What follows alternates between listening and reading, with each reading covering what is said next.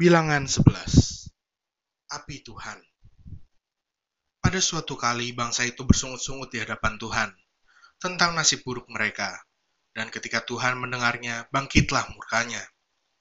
Kemudian menyalalah api Tuhan di antara mereka, dan merajalela di tepi tempat perkemahan.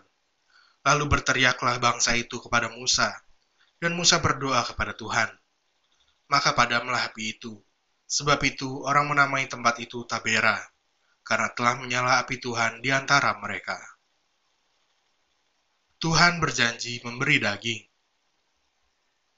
Orang-orang bajingan yang ada di antara mereka kemasukan nafsu rakus, dan orang Israel pun menangislah pula serta berkata, Siapakah yang akan memberi kita makan daging? Kita teringat kepada ikan yang kita makan di Mesir dengan tidak bayar apa-apa kepada mentimun dan semangka, bawang pre, bawang merah, dan bawang putih. Tetapi sekarang kita kurus kering, tidak ada sesuatu apa pun kecuali mana ini saja yang kita lihat. Adapun mana itu seperti ketumbar, dan kelihatannya seperti damar bedolah. Bangsa itu berlari kian kemari untuk memungutnya, lalu menggilingnya dengan batu kilangan, atau menumbuknya dalam lumpang. Mereka memasaknya dalam periuk dan membuatnya menjadi roti bundar. Rasanya seperti rasa panganan yang digoreng. Dan apabila embun turun di tempat perkemahan pada waktu malam, maka turunlah juga mana di situ. Ketika Musa mendengar bangsa itu, yaitu orang-orang dari setiap kaum, menangis di depan pintu kemahnya, bangkitlah murka Tuhan dengan sangat, dan hal itu dipandang jahat oleh Musa. Lalu berkatalah Musa kepada Tuhan, Mengapa kau perlakukan hambamu ini dengan buruk? Dan mengapa aku tidak mendapat kasih karunia di matamu? Sehingga engkau membebankan kepadaku tanggung jawab atas seluruh bangsa ini. Akukah yang mengandung seluruh bangsa ini? Atau akukah yang melahirkannya? Sehingga engkau berkata kepadaku, Pangkulah dia seperti pak pengasuh memangku anak yang menyusu. Berjalan ke tanah yang kau janjikan dengan bersumpah kepada nenek moyangnya dari manakah aku mengambil daging untuk diberikan kepada seluruh bangsa ini? Sebab mereka menangis kepada aku dengan berkata, Berilah kami daging untuk dimakan. Aku seorang diri tidak dapat memikul tanggung jawab atas seluruh bangsa ini, sebab terlalu berat bagiku. Jika engkau berlaku demikian kepadaku, sebaiknya engkau membunuh aku saja. Jika aku mendapat kasih karunia di matamu, supaya aku tidak harus melihat celakaku. Lalu berfirmanlah Tuhan kepada Musa, Kumpulkanlah di hadapanku dari antara para tua-tua Israel tujuh puluh orang, yang kau ketahui menjadi tua-tua bangsa dan pengatur pasukannya. Kemudian bawalah mereka ke kemah pertemuan, supaya mereka berdiri di sana bersama-sama dengan engkau. Maka aku akan turun dan berbicara dengan engkau di sana.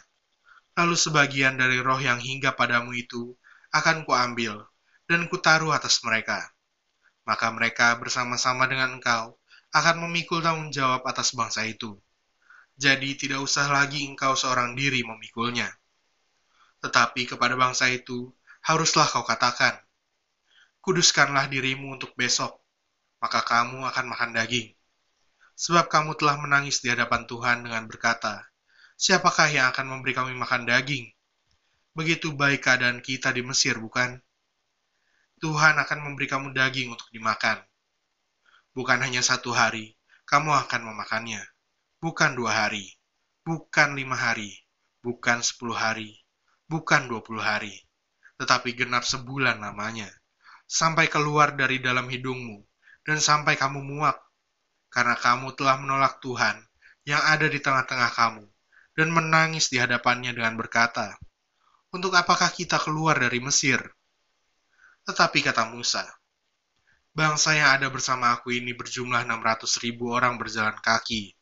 Namun engkau berfirman, daging akan kuberikan kepada mereka, dan genap sebulan lamanya mereka akan memakannya. Dapatkah sekian banyak kambing domba dan lembu sapi disembelih bagi mereka, sehingga mereka mendapat cukup? Atau dapatkah ditangkap segala ikan di laut bagi mereka, sehingga mereka mendapat cukup? Tetapi Tuhan menjawab Musa, Masakan kuasa Tuhan akan kurang untuk melakukan itu? Sekarang kau akan melihat apakah firmanku terjadi kepadamu atau tidak. Ketujuh puluh orang tua-tua Setelah Musa datang keluar, disampaikannya firman Tuhan itu kepada bangsa itu. Ia mengumpulkan tujuh puluh orang dari para tua-tua bangsa itu dan menyuruh mereka berdiri di sekeliling kemah. Lalu turunlah Tuhan dalam awan dan berbicara kepada Musa. Kemudian diambilnya sebagian dari roh yang hingga padanya, dan ditaruhnya atas ketujuh puluh tua-tua itu. Ketika roh itu hingga pada mereka, kepenuhanlah mereka seperti nabi, tetapi sesudah itu tidak lagi. Masih ada dua orang tinggal di tempat perkemahan, yang seorang bernama Eldad, yang lain bernama Medad. Ketika roh itu hingga pada mereka, mereka itu termasuk orang-orang yang dicatat, tetapi tidak turut pergi ke kemah maka kepenuhanlah mereka seperti nabi di tempat perkemahan. Lalu berlarilah seorang muda memberitahukan kepada Musa, Eldad dan Medad kepenuhan seperti nabi di tempat perkemahan. Maka menjawablah Yosua bin Nun, yang sedang mudanya menjadi abdi Musa. Tuanku Musa, cegahlah mereka. Tetapi Musa berkata kepadanya, Apakah engkau begitu giat mendukung diriku? Ah, kalau seluruh umat Tuhan menjadi nabi, oleh karena Tuhan memberi rohnya hinggap kepada mereka. Kemudian kembalilah Musa ke tempat perkemahan, dia dan para tua-tua Israel. Burung puyuh Lalu bertiuplah angin yang dari Tuhan asalnya. Dibawanya lah burung-burung puyuh dari sebelah laut, dan dihamburkannya ke atas tempat perkemahan dan di sekelilingnya. Kira-kira sehari perjalanan jauhnya ke segala penjuru dan kira-kira dua hasta tingginya dari atas muka bumi. Lalu sepanjang hari, dan sepanjang malam itu, dan sepanjang hari esoknya, bangkitlah bangsa itu mengumpulkan burung-burung puyuh itu.